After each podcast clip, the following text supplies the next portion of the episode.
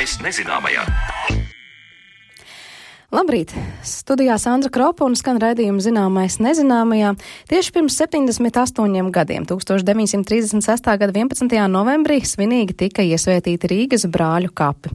Sīkāk par tiem stāstīsim raidījuma pirmajās minūtēs, stundas pirmajā pusē arī pievērsīsimies vienai no turienes eh, izcilajām skulptūru grupām. Stāstīsim, kā tā tika atjaunota, bet stundas otrajā pusē, kad studijā būs arī viesi, runāsim par to, kāda tad bija karavīru sadzīve un ikdiena abos pasaules karos. Whoa.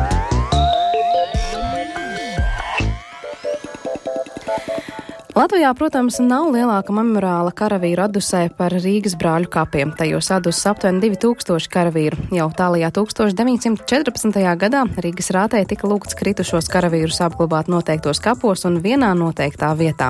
Turklāt bija jāparedz, ka abedījuma vietas varētu ar laiku tikt arī apstādīts ar kokiem un ap to varētu tikt veidots žoks un ierīkot īpaša karavīru atdusas vieta. Kapi oficiāli tika atklāti tikai 1936. gadā, lai gan pirmos kritušos strēlniekus Andreju Stūri, Jēkabu Voldemāru Tīmu un Jāni Gavenasu tajos abedīja jau 1915. gada oktobrī. Kapsētāji tolaik bija izraudzīts neliels kāpu uzkalniņš blakus meža kapiem, taču karš nebeidzās un kāpās tika abedīti arvien vairāk un vairāk kritušo. Lai kapsētu varētu paplašināt, tai vajadzēja plānu, un to savulāk izstrādāja Rīgas pilsētas galvenais dārznieks Andrejs Zeidaks. 1920. gadā sāka spriest par kapu arhitektonisko un māksliniecisko izdēļošanu, tika rīkot arī vairāk kārtu konkursi, un 1922. gadā tajā tika uzaicināts piedalīties arī Kārlis Zāle.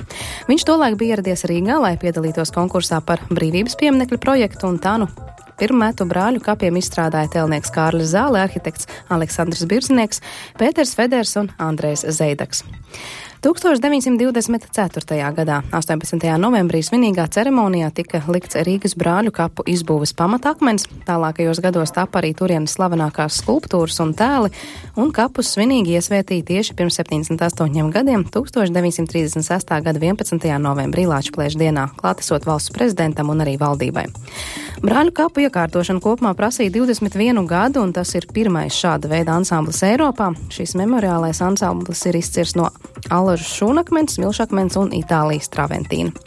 Brāļu kapos ir abadīti, kā jau teicu, 2000 apmēram karavīru, no kuriem 200 ir nezināmi. Sākot ar 1915. gadu kapos sāk abadīt Pirmā pasaules kara kaujās kritušos strēlniekus, vēlāk nošautos kareivius, kas atteicās cīnīties ar cara armiju 1919. gadā. Tur abadīja brīvības cīņās kritušos latviešu strēlniekus, bet pirmās Latvijas brīvvalsts laikā brāļu kapos abadīja Latvijas armijas virsniekus. Padomju okupācijas gados 1900 58. gadā tur tika abadīti Otrajā pasaules kara laikā kritušie karēvi un partizāni, un pats brāļu kapu skulptūra ansambļa autors Kārlis Zāle šajos kapos tika abadīts 42. gadā, bet kapu arhitekts Aleksandrs Birzinieks savam līdzgaitniekam tur pievienojās 1980.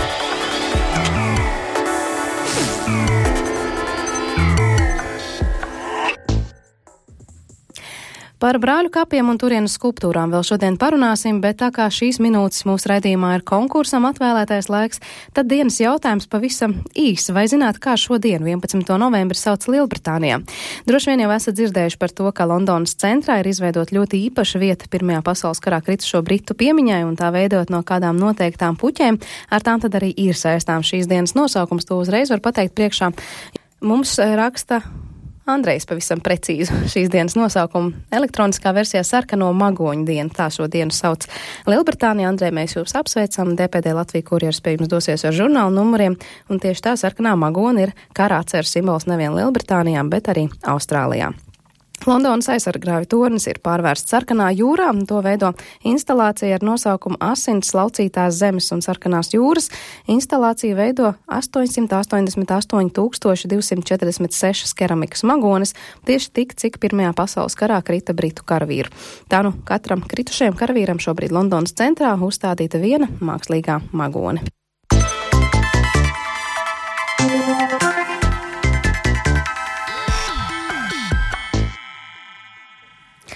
Kāda bija karavīra ikdiena un sadzīve abos pasaules karos, par to pēc apmēram desmit minūtēm runāsim studijā, bet nu vēl nedaudz pakavējoties karavīru atdurs vietā brāļu kapos, piedāvāja noklausīties stāstu par turienes slaveno skulptūru. 1915. gadā tika parakstīts pirmais brāļu kapu ierīkošanas projekts un uzsākts darbs pie to izveidas. Svinīgie svētīti brāļu kapi tika 1936. gada novembrī, un kopš tiem laikiem, protams, šis piemiņas ansamblis ir piedzīvojis eh, dažus atjaunošanas darbus laika zobas kartajiem tēliem, taču tāda pamatīga un rūpīga restaurācija tika uzsākta tikai pirms dažiem gadiem. Kopā ar Zani Lāci ieskatīsimies šo darbu procesā un jau paveiktajā. Zobenam tagad nevar redzēt, ir plaisas vairākās vietās. Tomēr tur ir bijusi kaut kāds nestabilums, un tur ir tās horizontālās plaisas. Jā, midrā jā. laikā mēs varam labāk redzēt, jo tomēr atšķirās pievienojamies materiāls no pamatmateriāla atšķirās. Viņam katram ir savādāka ūdens uzņēmība, tomēr gaišā dienā viņi ir vienmērīgāki. Ārā smidzina sīks lietus, un tāpēc minētās līnijas, zobenā, kas ir izveidotas starp heraldiskajiem kareivi tēliem, ir visai pamanāmas. Te arī var labi redzēt atšķirību starp laika gaitā nomelnējušām kurzemes un zemgales karēvi figūrām un nesen atjaunotajām vidzemi un latgali simbolizējošām. Savulaik veidojot brāļu kapu ansambli tika izmantots vietējais materiāls - allažu šūnakmens, taču tagad šo bojāto iezi aizstāja ar daudz cietāku un izturīgāku materiālu - travertīnu, kas nācis no Vācijas un Itālijas. Tā sākot ieskatu savā darbā atjaunojot Rīgas brāļu kapus, stāsta akmens restaurators Edgars Janočko. Šūnakmens resursi ir izsmelti, ir kaut kādas mazas novietnīcas, bet tas ir nav pietiekamā daudzumā ir veikti vairākus gadus atpakaļ tādi apjomīgi pētījumi, kur varētu vēl atrast. Ir kaut kādas vietas atrastas, bet tas akmens nav tik kvalitīvs, lai viņu izmantotu. Un mēs izmantojam, kas ir pārpalikumi, ir tāda novietnīca mums neliela ar pārpalikumiem no šūnakmens kurus vai nu mēs smalcinām un izmantojam sastāvos iekšā, piemēram, taisot ieveidojumus, plaisas ciet. Vai arī, ja noteiktā lielumā bloki vēl atļautu, mēs ieliekam tos iekšā kā protēzes vai kaut kādus gabalus. Bet, principā, ja aizstāt lielas formas, vairāk nav iespējams tad izmanto kaut cik autentiskus, līdzīgus materiālus. Un kas tad ir eh, līdzīgie materiāli šūnakmenim?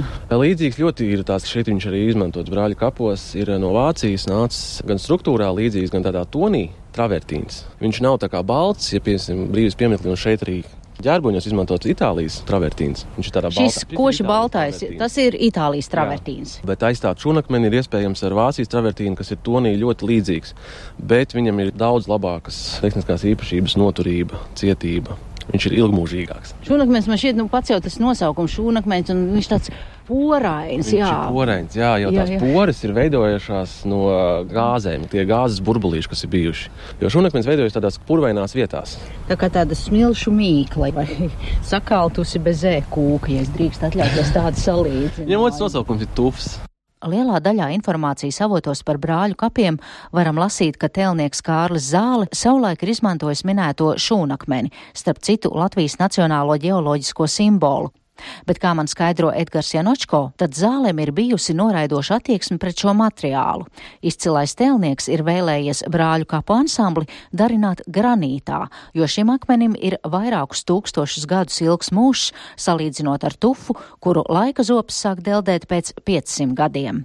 Šūnakmens ir ļoti, ļoti neizturīgs. Viņš piedarās pie mīkstajiem akmeņiem, pie ļoti porēniem akmeņiem, un, un viņš nav no cietajiem arī. Nebija tā, ka restaurācijas laikā jūs simtiem reižu pats sev uzdevāt jautājumu, kāpēc to laiku Kārlis Zāle izmantoja tik mīkstu un tik neizturīgu materiālu? Vispār Kārlis Zāle bija pret šūnakmeni. Viņš bija kategoriski pret šūnakmeni. Viņš vēlējās granītā visu veidot. Principā arī mainījusies viņa tēlu ārējais veidols viņš ir pieskaņojies šūnakmenim. Šūnakmenis ir trausls un drupens, un nav tik vairāk viela, un tās kavernas veidojās, un tomēr nav tās kontūras tik tādas maigas, kā var teikt. Nu jā, es, skatos, piemēram, uz sejām šeit, tas karavīrs, nu tāds robusti tie laipsti ir. Pati māte ir robusta, un, un, un varbūt nedaudz atšķirās kritušie dēli, tie ir tādi maigākām formām, nav tik tādi robusti. Aptuveni pirms 15 gadiem tika veikta neliela restaurācija, taču tik pamatīgus atjaunošanas darbus, kādi tika uzsākti pirms diviem gadiem, šīs valstiskās nozīmes memoriālais ansamblis netika pieredzējis kopš tā būvniecības pirmsākumiem 1915. gadā. Mazgāšanu, beršanu, slīpēšanu un komprešu likšanu jau ir piedzīvojušas divas trešdaļas brāļu kapu noslēdzošās sienas. Tad Latgale vidzeme mēs varam redzēt tēli daudz, daudz gaišāki. Vai es pareizi saprotu, tīrīšana bija pirmais? Jā, mēs principā sākam ar tādu virspusīgu tīrīšanu. Mēs noskalojam nost, kas ir tie lielie putekļi, pirmotnējā kārta, ko var viegli noskalot. Izim... Vai tas ir ar augstspiediena ūdens trūklu vai nē? Uh, nu, šī materiāla tas ir atkarīgs. Šeit mēs izmantojam tā sulkotumā regulējumi ir un, un mēs skatāmies konkrēti, kurā vietā, kur kas ir. Bet, principā tā ir tāda zemspēdienas mazgāšana kur mēs pēc tam veicam no lielajām kavernām. Mēs izkasām ārā sūnas, ieaugušos zarus, kokus. Kavernas tie tie iedobumi. Tie ir iedobumi, lielāki jā. tādi iedobumi. Un tas vienkārši notiek tīri tehniski ar roku vai ar kaut kādu skrāpi, tiek kasīt ārā, nu, laika gaitā sakrājusies patina. Jā, Un pēc tam jau mēs varam tālāk redzēt, kur jau vajag kaut kādu nopietnāku tīrīšanu, jau tādu padziļinātu. Kas ir nopietnāka un padziļināta tīrīšana, vai to var tā pastāstīt par radio kārtu? Jā, padziļinātāk tīrīšana, principā mums ir procesi iedalās ķīmiskie procesi un mehāniskie procesi. Mehānisks process, principā tāpat ūdens mazgāšana, tas ir mehānisks. Tā kasīšana, tā ir tā mehāniskā puse. Ķīmiskā puse, jau, kur mēs izmantojam specializētu ķīmiju, mēs liekam kompreses, tādas vats kompreses, kur ir noteiktā attiecībā sajaukti ķīmiskie reaģenti, kas tā kā šķīdina to ģipša kārtu, melnā, kas ir virsū, kas ir nosēdusies. Bet runakmenim tāda īpaši mūsu klimatiskajos apstākļos ir tāda tendence diedēšana, ķīmiskā diedēšana, kad ar sāļiem, principā ar sēru savienojumiem veidojās skāpes saturs virsū un veidojas tāds melns ģipša kārts, kas pēc tam atles un tā akmens nost un plēš vienkārši pašu akmeni nost. Un tāpēc to ir ieteicams noņemt. Un, un, un tā ir jāņem nost ar mehāniski. Nu, tāda jau padziļināta, nenāk vienkārši tur nomazgāšana nost. Laika apstākļi arī noteica. Jā, lietainā laikā nestrādājāt. Lietainā laikā mēs pataupām tādus darbus, ko mēs varētu tieši veikt lietainā laikā. Piemēram, mazgāšanas darbus. Kaut gan mēs sākam mazgāšanas darbiem, bet piemēram, kaut kas vēl jāpārskalo, vēl kaut kas, tad mēs to veicam lietainā laikā. Bet visi kaut kādi žūšanas darbi un tādi mēs cenšamies veikt tomēr saulainā laikā. Jo pārsvarā visiem tiem līdzekļiem nepieciešama noturīga, vienmērīga temperatūra. Lai arī lielākoties šo memoriālo ansambli bojā klimatiskie apstākļi, tomēr arī cilvēciskais faktors restaurātoru darbā ir ieviesis korekcijas. Pagājušā gada pavasarī te uzdarbojās krāsaino metālu zāgļi. Centrālajā kapu laukā tika sabojāts un apzaktas divas piemiņas sakas. No tām nozaga kapara iesegumus un laužot to sārā, tika sabojāta šo aku akmens apmale. Un tagad arī šo aku atjaunošana ir restaurātoru paveicamo darbu sarakstā. Bet runājot par laika apstākļu ietekmi, Edgars Janočko manu uzmanību vērš uz mātes Latvijas tēlu. Tā kā mācīja tēlam vēl ir uh, metāla daļas. Un, un, Tur, kur tas vainags, jā? Jā, vainags, jā. un viņai tāda micīta ir. Veidojās tā pati, un ūdenim skalojoties, tek pāri pierēji. Tomēr var redzēt, ka ir tāds tā kā tumsnēji pusīte. Pieres centrālā jā. daļa mātei Latvijai ir tumšāka. Jā, tas ir uh, no tā metāla tieši un mēs ņēmām ar māla kompresēm ārā. Mēs kā likām tādas māla kompreses, viņiem spieris, un vairākas reizes viņš vilka ārā tos metāla savienojumus. Un tad smālis paņem sevi, mēs to mālu noņemam no un liekam, atkārtojam tos procesus, kamēr mēs dabūjam. Bet, nu, principā, pilnībā to nu, nav iespējams izdarīt. Tur tomēr paliek kaut kas iekšā. Cik ilgi tās kompreses tiek liktas? Atkarībā no laika apstākļiem, kamēr nožūst un pašas nokrīt. Process difūzēs, kad uh, ūdens pārvietojas no akmens uz māli, viņš beidzās, kad māls ir sauss. Tā kā cilvēkiem skaistumkopšanas salonā. Jā, principā kūris tāds, viņai bija kūri. Skaistumkūri.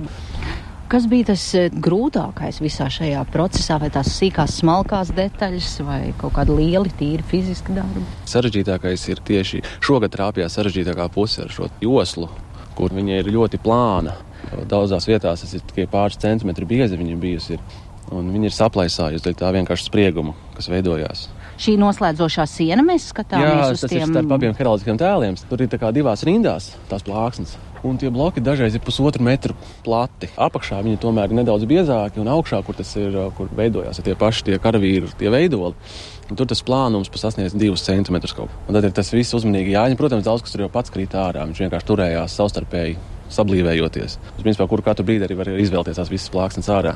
Un tad mēs viņus pamazām pa gabaliņam cēlām lejā, nesām lejā, notīrījām viņas, salikām kā vajag, salīmējām, veidojām stiegrojumu. To stiegrojumu mēs veidojam nerosošu metāla, tad kā sietu, un aizmugurē mēs lejam papildus pamatu viņam. Vai arī šeit, kas ir adus vietas kritušajiem kareiviem, vai arī tās tika atjaunot šie kapakmeņi? Jā, viņi tika atjaunoti. Tepat var redzēt, kad ir ir uh, pieveidotas tādas tumšākas vietiņas. Šis ir pieveidots aizmugurē, ir plaisas aiztaisītas. Jā, tagad ar pilnīgi roku velkot, es jūtu, cik, var just, un, cik glūdi, jā, te, te var just. Jā. Šis te stūrītis ir pieveidots klāt, reku šeit ir aiztaisītas ciet visas šīs te vietiņas vai vienkārši laika zobs, klimatiskie apstākļi ir eh, to visu deldējuši? Gan, gan, gan laiks, gan tomēr ir tas cilvēciskais faktors, kad tiek kaut kam, nu, piemēram, šeit kaut kas tiek satraumēts akmens kaut kādā veidā. Bet pārsvarā tas ir laika zobs, jā. Mums ir tāds klimats, kad ir sauss, ir mitrs, ir sasalst, un, un, un tieši unakmens to ļoti, viņš ļoti labi uzsūc mitrumu. Salīdzinot, piemēram, granīts ir kaut kādas 20 reizes vairāk, viņš uzņem to mitrumu. Un, un tomēr katru reizi sasalstot, atkūstot, sasalstot, viņš plēš un lauž to akmeni. Arī pēc tās primārās tīrīšanas atklājās vairāk tās plaisas un kaut kādas vietas, kas ir papildus jātīra, vai ko nu, sākumā nemaz nevarēja redzēt. Un arī uzkāpjot augšā, var vairāk redzēt, kas tur notiek. Tomēr ļoti labi aizaug kritušie dēli ar, ar mūsu bērziem, jo bērzam tās sēkliņas ļoti maziņas, Mums tās kavernas tīri daudz, viņam tikai pietiek iesaisties caurumā, un tur izaug vesels koks. Un viņi aug un plēš. Un koks, kā mēs zinām, ļoti labi akmeni plēš. Tā kā pēc pirmreizējās tīrīšanas nu, kritušie dēli, bija tā aizauguši ar sūnām, un tur bija tā kā paklājs. Ir jau labi, ka notiek tādi pamatīgi restaurācijas darbi, bet patiesībā te visu laiku ir jāuztur kārtībā šis ansamblis, lai tas saglabātos nākamajām paudzēm. Tā sarunas laikā vairāk kārt uzsver jaunais restaurators. Par brāļu kapu atjaunošanas darbiem stāstīja akmens restaurators Edgars Janoček. Ko. Starp citu, šodien Rīgas brāļu kapu fondam sadarbojoties ar Latvijas televīziju notiks ziedojuma vākšanas akcija turpmākajiem restaurācijas darbiem - heraldisko tēlu zemgalu un kurzeme, strēlnieko bareljefu un desmit apriņķu ģerboņu atjaunošanai.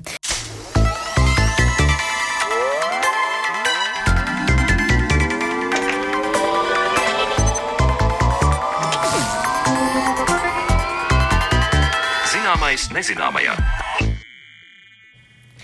To, ka pagājušā gadsimtā daudzas, jo daudzas valstis uz savas zemes eh, pieredzēja divus pasaules karus, ļoti labi zinām, un par to cēloņiem, sekām, kritušo karavīru skaitu arī esam runājuši nereiz vien, bet ko nozīmē un ko mēs zinām par to, kāda bija šī kara ikdiena cilvēkiem, kas devās karot.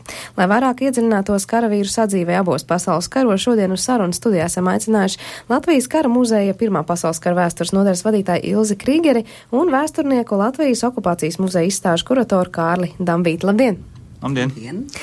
Cik daudz mums ir to liecību, kas mums tiešām ļauj ko teikt, minēt vai zināt pavisam skaidrs par to, kā tad bija karavīra ikdiena? Vai mums ir daudz to priekšmetu, kas, nu, var teikt, runā savu stāstu stāsta? Nu, muzejā ir diezgan daudz savākts, jo Latvijas kara muzejs sākotnēji vispār ir dibināts Pirmā pasaules kara laikā 1916. gadā kā strēlnieku muzejs. Un lielā mērā jau uzreiz, kā laikā šīs liecības tika vāktas, gan fotografijas, gan uh, dokumenti, gan arī, protams, priekšmeti. Uh, daudz kas ir gājis bojā no šā, jau 17. gada laikā, kad notika gan politiskas, gan arī militāras pārmaiņas šeit. Daudz šie priekšmeti aizgāja bojā, bet vēlāk jau uzreiz pēc Pirmā pasaules kara atkal tika tas viss savākts, sakomplektēts un diezgan daudz ir šādu te gan lietisku priekšmetu, gan arī jo vairāk arī karavīra atmiņas, kas ir dienas grāmatas, vēstules, kas, nu, ļauj spriest, ko cilvēks izjūt un ko viņš darīja savā, nu, no kaujas brīvajā laikā. Tā kā mums ir gana daudz to priekšmetu, lai tiešām teikt nevis tas, kas notiek notika tikai politiskā līmenī kara laikā, bet to, kas tiešām notika katra karavīra sirdī un galvā un kas bija viņa ikdienas sastāvdaļas. Es domāju, jā, pilnīgi pietiekami. Pārsvarā jau tās, tās karavīri, tās ikdienas lietas, tās viņu individuālā pieredze, viņu atmiņas, kas arī, nu, arī mūsdienās to bieži vien vēl joprojām vāc. Uh, viņas jau tīri skaitliski jau ir būtībā daudz, daudz, daudz plašākas nekā varbūt šī te politiskā vēsture vai kaut kas tamlīdzīgs. Vienkārši politiskā vēsture mēs tā vairāk skatāmies uz to, kā, kā, kā tas iespaido to visu, to visu pārējo, lai gan reāli tas nu, ir skaitliski daudz, daudz šaurāks tāds aplūkojamā, aplūkojamā lieta. Savukārt tā ikdienas dzīve, uh, ikdienas karavīra pieredze. Tas patiesībā, es domāju, katrā ģimenē, ja mēs pajautātu saviem vecākiem, Viņiem ir šī pieredze, un tas nebūtu nenozīmē, ka ja mēs runājam par Pirmo vai Otro pasaules karu. Tas tikpat labi ir runājam arī par daudz svaigākiem konfliktiem, kur, kur, kur karavīri ir piedalījušies. Tā, tā ir tā ikdienas tā pieredze, kaut kādas, kaut kādas mazas lietiņas, citreiz lielākas, kas, kas liecina par, par to, ko, ko nozīmē šī dzīve karu laikā. Bet vai var teikt, ka līdz ar to arī par otro pasaules karu un par ikdienu otrā pasaules kara laikā mums ir daudz vairāk liecību nekā par pirmo? Jo vienkārši tas notika vēlāk, un varbūt lieta ir vairāk saglabāta, varbūt tā paudze, kas tur vēl piedalījās, vēl ir tā, kas ir vecvecāki. Nu, principā, ja mēs, jā, tā varētu teikt, tāpēc, ka Protams, laiks iet, kaut kas paliek zudumā, tas, kas ir bijis, kā teikt, nu, svaigāks, tas, tas, protams, vairāk saglabājas. Un, un, bet te jānošķir divas lietas, ir, ir, ko, ko bieži vien nu, mēs runājam par liecībām, kara liecībām, mēs runājam bieži vien par kādu mantu, kādu ķivera pierakstu blociņš, kaut kas tam līdzīgs, bet ir, ir arī tā. Nu, tā pieredze, kas ir tā mutiskā pieredze, kas, ir, kas varbūt ir arī uzrakstīts, bet varbūt tas viņš tikai nu, stāstos, kas ir varbūt stāstīti maz, mazbērniem, vecais tevs stāstīs mazbērniem, tā ir tā viņa individuālā pieredze, ko bieži vien mēs pat varbūt nezinām, jo viņi līdz vēsturniekiem nemaz neatnāk, tad tikai speciāli ejot, meklējot, ir iespējams to atrast. Mm, droši vien, ka šajā brīdī arī mēs varam teikt, ka šajā jomā daudz kas ir jau gājis zudībā, varbūt tās ģimenes, kas nav pietiekami savākuši tās mutvārdu pieredzes no saviem vecākiem, dokumentējuši tās, Te varētu būt tā, ka tas laika zops jau ir sev līdz manīt. Protams, protams, bet nu, tas, tas vienmēr ir. Nu, mēs nevaram saglabāt visu. Tīri fiziski tas nebūtu iespējams vienkārši, jo mums nāk klāt aizvien, aizvien jauni un jauni, jauni, jauni pieredzi, jauni materiāli. Šobrīd, piemēram, skatās to pašu militāro vēsturi, mēs jau uz to varam skatīties diametrāli pretēji, kā mēs to būtu darījuši pirms gadiem 20, piemēram. Jo, jo, jo, jo. Militārā vēsture pat pa sevi, kas, kas tieši nodarbojas ar šīm visām lietām, kas ir saistītas ar, ar, ar ne tikai ar tīri kara darbību, bet tīri ar visu sociālo fonu vispārējo, kā mēs skatāmies šīm lietām, tas jau ir mainījies, ņemot vērā, ka šobrīd mēs ņemam klāt kaut kādas citas, citas vēstures zinātnes un skatāmies uz to, mēģinot izprast, varbūt nevar būt tik daudz tos pašus vēsturiskos notikumus, bet kāpēc tas, tas, tas tā notika, tur šī individuālā pieredze bieži vien ir, ir, ir, ir nenovērtējama. Es vienkārši domāju arī tas, ka tagad pat labana, nu, vairāk dominē sociālās vēstures pētniecība, arī militārā konfliktu laikā. Jā, agrāk eh, vairāk vai mazāk tiešām nu, izpētīta un, un, un, un šī te arī militārā vēsture, varētu teikt, jā, kauju darbība ir aprakstīta, pētīta, jā, vairāk arī šīs atmiņas, kas saistītas tieši ar kauju darbību, ir publicētas. Tad atmiņas un, un tās, tās, tās dienas grāmatas un, un, un, un, un arī tie priekšmeti, kas saistīti tieši ar šo sociālo darbību, ar karavīru socializāciju, jo viņš jau arī ierakumos un kara laukā paliek sociāli būtnē, un tātad viņš saglabā to, kas viņu padara par cilvēku šajos briesmīgajos, varbūt nu, pilnīgi neaptveramajos apstākļos, ja, tādā šausmu, šausmu vidū. Ja. Tātad, kas, kas tieši, un tas ir diezgan daudz arī no latviešu strelniekiem ir saglabājies, jo, jo um, nu, strēlnieku pulkots vēlāk ģenerālis eh, Gopers, viņš ir teicis, ka karš, karā ir tāda īpatnība, ja, ka eh, nu, cilvēks ejot pretim nezināmam un šausmīgam liktenim, viņš pilnīgi instinktīvi tiecas pie kaut kādas garīgas baudas, un, un tas to var teikt arī par latviešu strēlniekiem, jo, jo viņi patiešām, nu, katru brīvu brīdi, nu, viņi veltīja tam, lai nu, varbūt sevi iepriecēt, cits iepriecēt un kaut kā baudīt šo dzīvi, kaut kādu pretstatu liktu tam, ko viņi redzēja kaujas laukā. Vai jūs varat mazliet pastāstīt, kas bija tas, ko viņi darīja? Oi, nu, Cik strēlnieki patiešām ir, kā, kā atkal gribētu nocitēt, Jukumu Vāciet piektā zemgals pulka komandieru, kur teica, kur nāk strēlnieki, tur uh, nāk uh, jautra dzīvība, vai tas ir ierakumos, vai tas ir aizmugurē, uh, jo strēlnieki viņi gan dziedāja, gan vingroja, gan, gan viņiem bija, katrā pulkā bija savs dramatiskais pulciņš, kas uzved tās saucamās dzīvās bildes.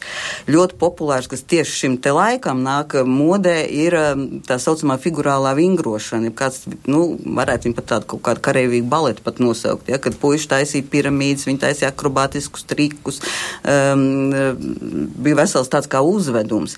Um, nu, jāsaka, arī fiziski spēcīgi viņi visi bija, varbūt salīdzinot ar daudziem mūsdienu. Mūsdienu vīriešiem varētu teikt, ka gandrīz katrs, kas nāca, nu, spēks to atļauj, jo daudz mūsdienu puiši to nevar izpildīt, ko, piemēram, nu, tādiem katram, nu, varētu teikt, gan arī jebkuram no strelniekiem bija iespējams darīt. Piemēram, viņi varēja ļoti viegli uzrāpties desmit metru augstā stabā, kas bija ļoti populāri. Bija tāds triks, ka, nu, umurkumur mēs varētu saukt, bet tajā laikā vienkārši nu, uzkarināja staba galā mm, mugursomu, ja, tad mantu somu, nu, tad vajadzēja to mantu somu uz ātrumu nocelt, ja, un tad te puiši tā viņi arī e, tādā veidā izklaidējās un arī sacensības. Tas tika ietverts arī strelnieks Spartakjādē, kurš notiks, starp citu, arī sporta sacensības. Kā viens no trikiem un, un tāda augstākā pilotāža varētu teikt, ka viņi nu, noliks starp diviem šādiem stabiem kārti. Un tad e, vienlaicīgi divi rāpjas augšā pa šo stabu, paņem to mugursomu un tad abi divi viens otram ir pretī par šo pārlikto kārti, tas ir desmit metru augstumā. Apmainās tāpat, paiet viens otram garām un nolaižās lejā. Tas bija augstākais, ko varēja izdarīt. Nu, Tajā laikā, es saku, bija arī sporta sacensības, Spartakijāds. Ja, tā, tas, tas tur bija gan augstliekšana, tālliekšana, skriešana, nu, bet kas būtiskākais, kas atšķir, nu, futbolu arī spēlē, protams, uh, bet kas atšķir šīs Spartakijādas varbūt tās no. Nu, tādām mūsdienās saprotamām sacensībām. Tas tie, tās bija tās lietas, kas bija vajadzīgas karavīram. Tā, tā, tā, tas bija tā kā tāds treniņš patiesībā. Tas bija kā treniņš, jā, tā tad viņiem vajadzēja, piemēram, ir, kas bija ļoti populāri un kur uz laiku, uh, 5 minūšu laikā bija jāizveido ierakums. Tas individuālais ierakums ar mazajām tam individuālam lāpstiņām, kas ir katram karavīram, jā, viņš aprokās, viņam jānorokās tā, lai viņi neredz, jā, un tas, nu, tas tiešām nebija viegli.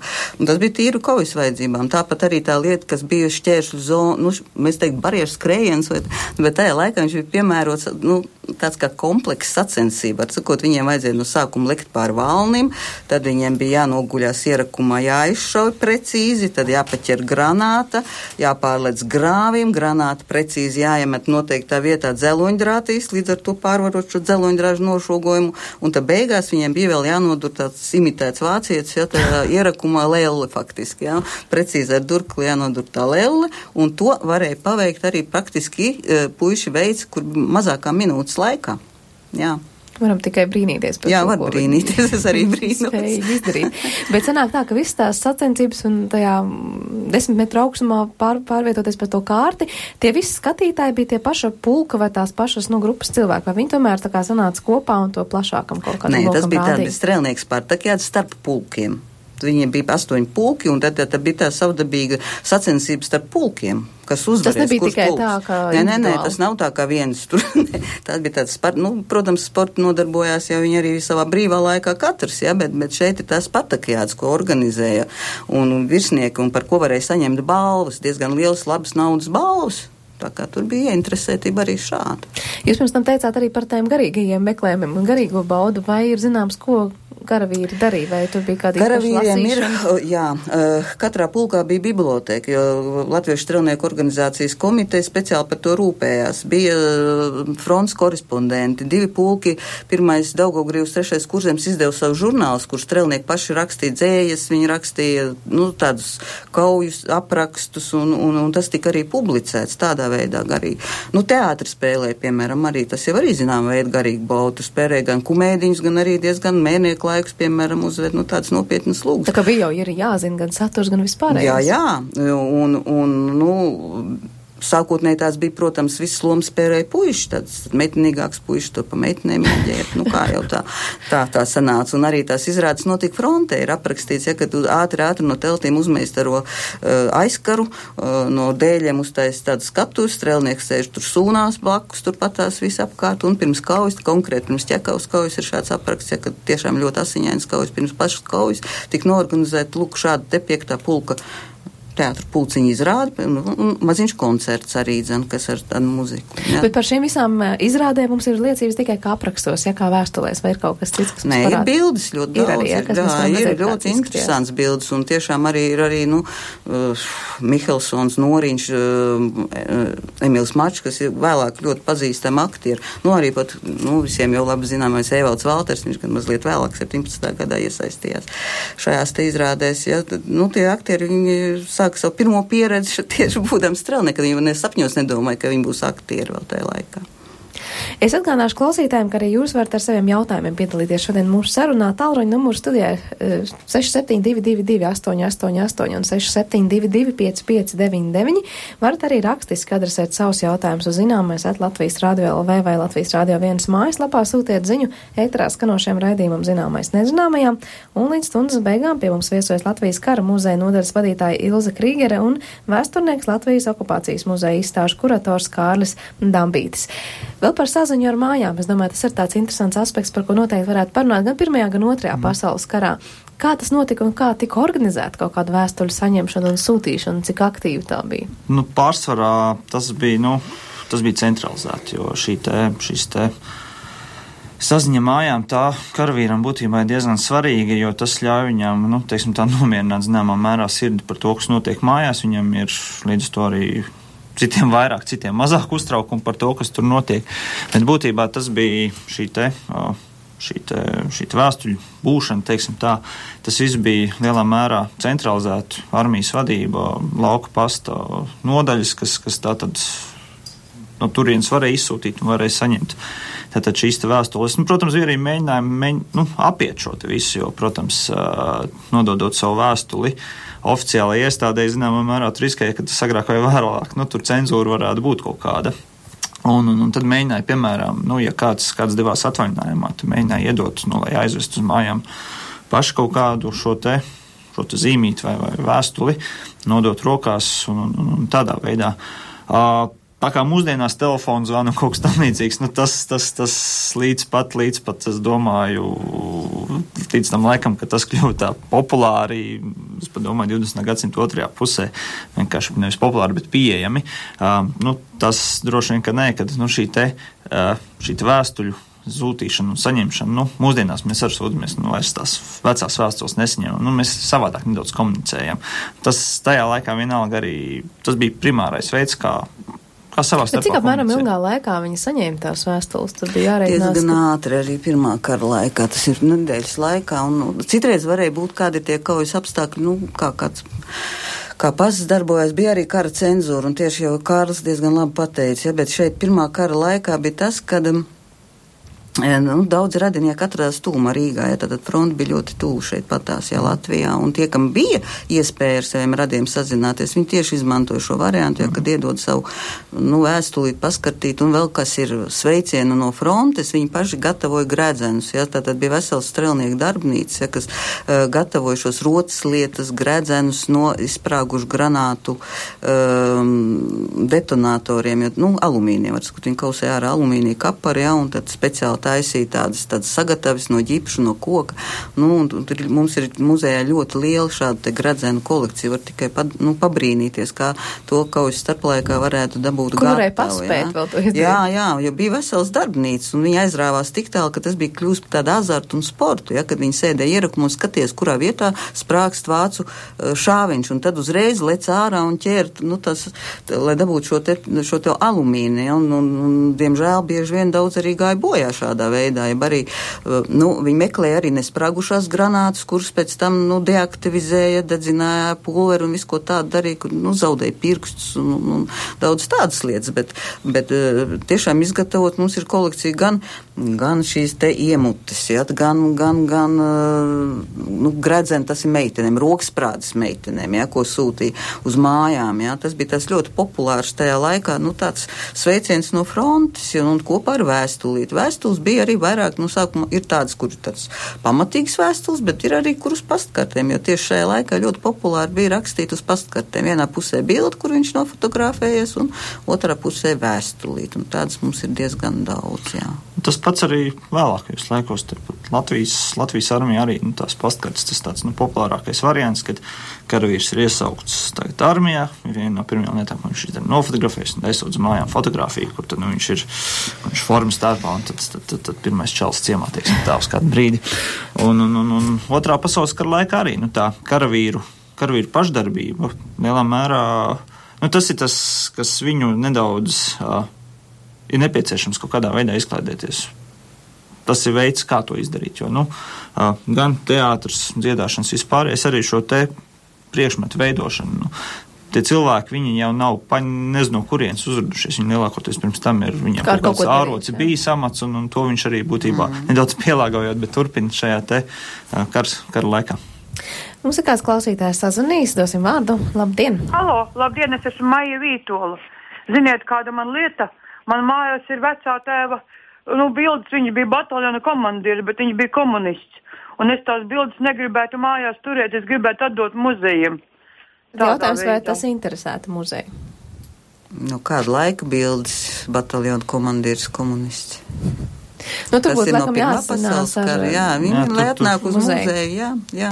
Es pieņemu, ka arī ļoti daudz ģimenes varētu interesēt jautājums, vai muzeju interesē lietas, kas joprojām ir kāda ģimenes arhīva. Noteikti interesē.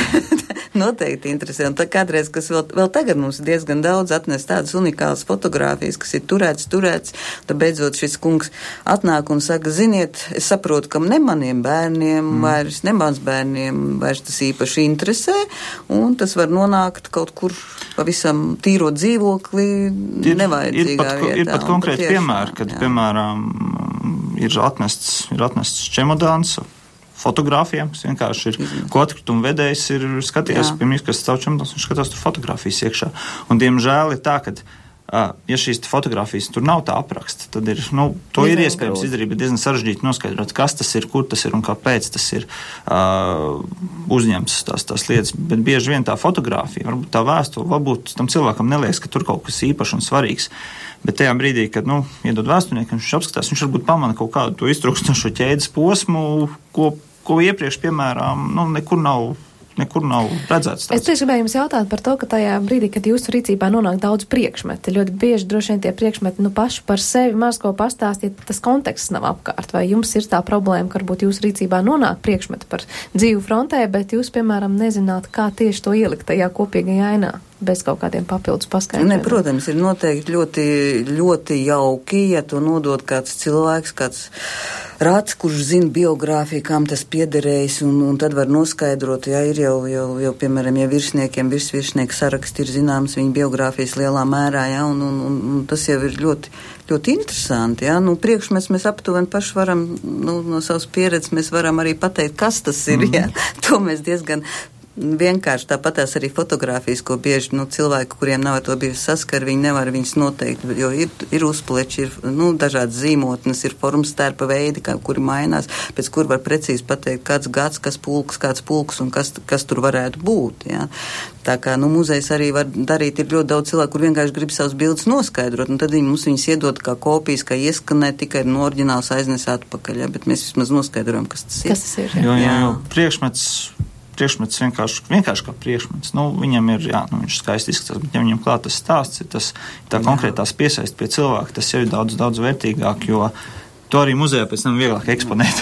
Jā, tāds. Runājot par tiem priekšmetiem, šoreiz jūs pieminējāt tos gradzenus, ko sūtīja no frontes, kā sveicienus karavīri, vai ir ziņas, kādas bija lietas, ko viņi ņēma no mājām līdz karā, vai viņiem bija kaut kādas lietas, ko viņi noteikti bija turēja? diezgan daudz, kas, jā, bet nu, no mājām, ko vispār visvairāk prasa, jā, tā tad ir adītas zeķes, adīti cimdi, silti džemperi, tāpēc, ka tas ir, nu, Ejošākās pirmā- jā, lietas, tas viņas ejošākās lietas plīst, un, un, un, un autini varbūt nav ērti, zeķi ir labāk silta zeķīt, un to arī sūtīja, jo tur, nu, piemēram, strelniekiem jau viņiem nevajadzēja sūdzēties, viņiem savējie, kur tur patās blakus bija sievietes, to vien darīja, kā adīja un sūtīja un sūtīja un sūtīja, jo dāmu komiteja, or komiteja, viņi arī šuva, nu, apakšveļu strelniekiem šuva maskēšanās tērps, tur, nu, tur patiešām darbojās, un varbūt, teiksim, tā salīdzinot ar Krievu daļām, tad strelnieki bija, zināmā mērā, privileģētā stāvoklī arī ēšanas ziņā, jo, jo, jo, nu, spriežot pēc atmiņām, viņi tur brāķēja daudz tādas lietas, ko, ko neviens Piemēram, Vilnas dūrāņu dzīve kaujas laukā ir apmēram 3 stundas maksimums. Nu jā. Viņi ļoti ātri viņi plīst, jo nu, tas ir. Uh, Ierocis, viņš ir, tur jāpielieto spēks, un tā vilna, nu, ir diezgan maigs materiāls tam, lai arī mēs viņu puinītu, kā gribētu, viņa neplīsīs, nu, pieliekot attiecīgi spēku, pietiekami intensitāti, nu, tas ļoti ātri tas saplīsīs, un tāpēc tās zeķes, cimdi, šālis, tās siltās lietas, kas palīdz saglabāt šo te gan fizisko siltumu, gan arī saņemt no mājām šo sirds siltumu, tas ir tādas ļoti, nu, svarīgas lietas tajā brīdī. Jūs pieminējat, ka brāķēji daudz ko no ēdiena, kas mums ir zināms, ko viņi ēd un kas viņiem O. negaršoja. nu, Krieva armijā vispār arī tajā laikā, nu, kā jebkurā armijā, arī pēc tam Latvijas armijā, jebkurā lietā, tātad pats, pats pirmais ir, lai būtu pēc iespējas daudz kaloriju. Tātad, nu, mūsdienu cilvēkam, es nezinu, nu, es lasu, ko viņi ēda, ja, tad, tad tā ir speķis kopā ar sviestu, putra, kurā ir gaļa, speķis, un vēl klāt vai nu sviests, vai nu eļļa. Jā, tā tad, jā, tāda veida zupas, piemēram, pusdienās ir zupa un ir putra šāda te. Uh, nu, no rīta parasti bija tēja vai kafija. Nu, strelnieki vairāk cienīja, ka tas ir atmiņās rakstīts kafija. Es pieļauju domu, ka tā bija tautas kafija, ne jau nu, tāda kafija, kā mēs tagad, ja, bet tā ir graudu kafija. Um, tad pie katra pulka centās iepirkt no vietējiem iedzīvotājiem govi, piemēram. Govi turēja tur, kur, nu, tur, kur tur zirgus, ja, tā tad kopā viņas uzlika, ja, nu, šajā te teiksim, tā uzskaitē, jā, jo, kas interesanti, zirgi skaitījās pie personāla sastāvā, ja tā visās pavēlēs, nevis tur, kur ir saimnieciskā daļa pavēlē, bet, bet ar visiem vārdiem konkrētiem viņi ir tur, kur virsnieki, karavīri tiek uzskaitīti, nu arī zirgi tā skaitā, jā, tā tad, un tad, tad viņi bija, nu, gova arī paņem, un tad, tad ir piens, nu, kafija ar pienu tādu no rīta, maize, maize deva, nu, salīdzinoši, piemēram, Civiliedzīvotājs Rīgā maizi 16. gadā dienā varēja saņemt 250 grāmatus, jo bija kartīšu sistēma. Bija, nu, bats, bats jau, nu, nē, bet ļoti problemātiski bija pārtiks produktiem sakara ar to, ka karš bija sācies un visi dzelzceļi bija noslogoti ar kara tehniku, ar karavīru pārvadāšanu. Tad Rīga saņem tikai kaut kur vienu trešdaļu no nepieciešamiem pārtiks produktiem. Jo pilsētas arī tajā laikā, uh, nu, nedzīvoja no, no vietējiem, no, no zemniekiem, ko iepirka, bet dzīvoja no, no centralizētiem pievedumiem. Ja? Un tad, tad pirmo protams, ko apgādāja tā bija armija. Ja? Un tad, nu, tur lūk šī putra. Ka, Putra garšoja, bet bieži vien lūk tās zupas, kas bija, un sevišķi bija tāda krievu gavēņa zupa, nu, nu personīgi man liekas, kas visgaršīgākais, bet to lēja grāvī, tā bija zivju zupa, ja, zivju zupa bez taukiem ar, ar, ar dārzeņiem. Nu, kas varētu būt garšīgāks, man liekas tagad, jā, bet viņiem negaršoja, viņi lēja ārā. Viņi bija pieraduši pie tām tauku zupām. Jā, un pie putra tas bija topā, jā, tā tad atved putru, tad un no putra bija, tur bija tāda lieta, kad bija bieži vien, ne, Nu, ja zupu, piemēram, katram katliņā ielēja, tad putru devu tādās lielās bļodās vai grāpjos, un tur vairākiem kopā bija jēd. Un tad, lūk, ir tas joks, ka mums ir daudz tādas, nu, arī liecības, lūk, šajā ziņā, ka pašu strelnieku grabtas karotis. Un es no sākuma, nu, es domāju, nu, nu, tas jau izskatās pēc tādas, nu, tā kā putras, nu, tā kā zupas karots, un šī tāda milzīga to, to galvu tai karotei. Bet kur jau tas joks? Jēd no kopējā katla, kuram tā lielāka karota, to lielāko to, to galvu, viņš jau tad var ies, apēst ēst vairāk un dabūt to putru. Tur viss arī slabums. greba paši. Paši arī greba lielāku pēc iespējas. Tā, tā, tā. Traknie ēdieni, viņi jau, nu, mēs tagad mūsdienās dzīvojam siltumā. Rīgas siltums nodrošina siltumu. Jā. Reāli tas ir uz lauka apstākļos. No rīta ir augsts, pa dienu karsts, vakarā naktī atkal augsts, un tas, tas, tas traknēs ēdiens viņš jau palīdz saglabāt. Visu laiku tur ir kustība. Nu, karavīrs, kurš, kurš ir bezdarbībā, nu, viņš sāk nodarboties visādām sūdzībām. Un, un tāpēc, lai tā nebūtu, tad viņas mēģināja visu laiku nodarbināt. Un, un, un tas ir arī tā, tāpēc, tā kā visu laiku būtībā ir šī kustība, šī darbība, tad arī nu, tam dzīve nerimst. Dzīve nerimst jā. Mums ir klausītāji jautājums, ar kuriem noslēgsim šo sarunu. Mums visam maz laika palicis. Kā jūs salīdzināt karavīru kultūras sadzīvi Pirmajā un Otrā pasaules karā? Vai Pirmā kara laikā tomēr tā nebija daudzveidīgāka un radošāka? Otrā kara laika propaganda varēja būt daudz masīvāka un vienveidīgāka? Tāds mums klausītāja jautājums. Uh, otrajā pasaules karā uh, šo te propagandu, kas, kas nāca no būtībā no, no visām karojošajām pusēm, viņu daudz aktīvāk iesaistīja visos šajos te sadzīves kultūras pasākumos. Tas bija, jā, tas bija veids, kā to kā to tālāk izmantot. Bet, ja mēs noņemam visus šos propagandas, ideoloģijas, šos te, uh, filtrus, tad, tad, tad reāli ir tā, ka nu, nu, vienmēr ir bijis tā, ka tas karavīrs centies, centies atrast šo te. Uh, Izklaidi šo kultūru un kaut ko tamlīdzīgu. Uh, tajā brīdī, kad nāk klāt ideoloģija, protams, mēs to sākam skatīties bišķiņi savādāk. Tad mums vairāk ir nevis uh, literārais vakars, bet ir uh, politnodarbība vai kaut kas tamlīdzīgs, bet pašā, pašā būtībā lielā mērā tas jau ir tas pats. Vilzē būs Es no, teiktu, noslēgumā piebilstams. noslēgumā piebilstams, ka pirmā kara laikā tas ir ierakuma karš, ja tad vienā vietā šie cilvēki sēž ļoti ilgu laiku, jā, un aizmugur ir tepat tās Rīga, dubulti jūrmāli, jā, un, un, un, un, un līdz ar to ir varbūt vairāk nekā otrā karā, mm. tas ir ierakumi, tas ir lēnāk šis karš, un ir daudzāk šī te brīvā laika, kad nenotiek kaujas darbība, mm. ja teiksim tā, tāpēc ir viss šeit te teātru pulciņi, teātru izrādes, jo pamatā jau tas ir, nu, arī dubultos aizmugurē dubult kūrmājās, kur viņi to darīja. Tad, nu, tur varbūt šīs politikas pat tiešām ne, nu, bija stipri mazāk. Ja? Nu, nebrauc tādas aģita brigādes kā otrā mm. karā, ja? tas nenotika. Viņi paši, jūs paši strēlnieki, tā bija viņu unikāla lieta, viņu paša iniciatīva. Tur neviens no augšas neko viņiem nelika darīt. Paldies jums par šo sarunu. Mēs varētu vēl turpināt vēl vienu stundu, visam noteikti runāt, bet ar to arī raidījuma zināmais nezināmajā šodien ir izskanējis. Dzirdējām šajā pusstundā Latvijas kara muzeja Pirmā pasaules kara vēstures nodaļas vadītāju Ilzi Krīgeri un vēsturnieku Latvijas okupācijas muzeja izstāžu kuratoru Kārli Dambīti. Šī raidījuma producente Olga Rimšāna, ģirds bišu mūzikas redaktors Regīna Cēsniec bija skaņa režijā un Sandra Kropa studijā. Paldies jums visiem par klausīšanos un tikšanos!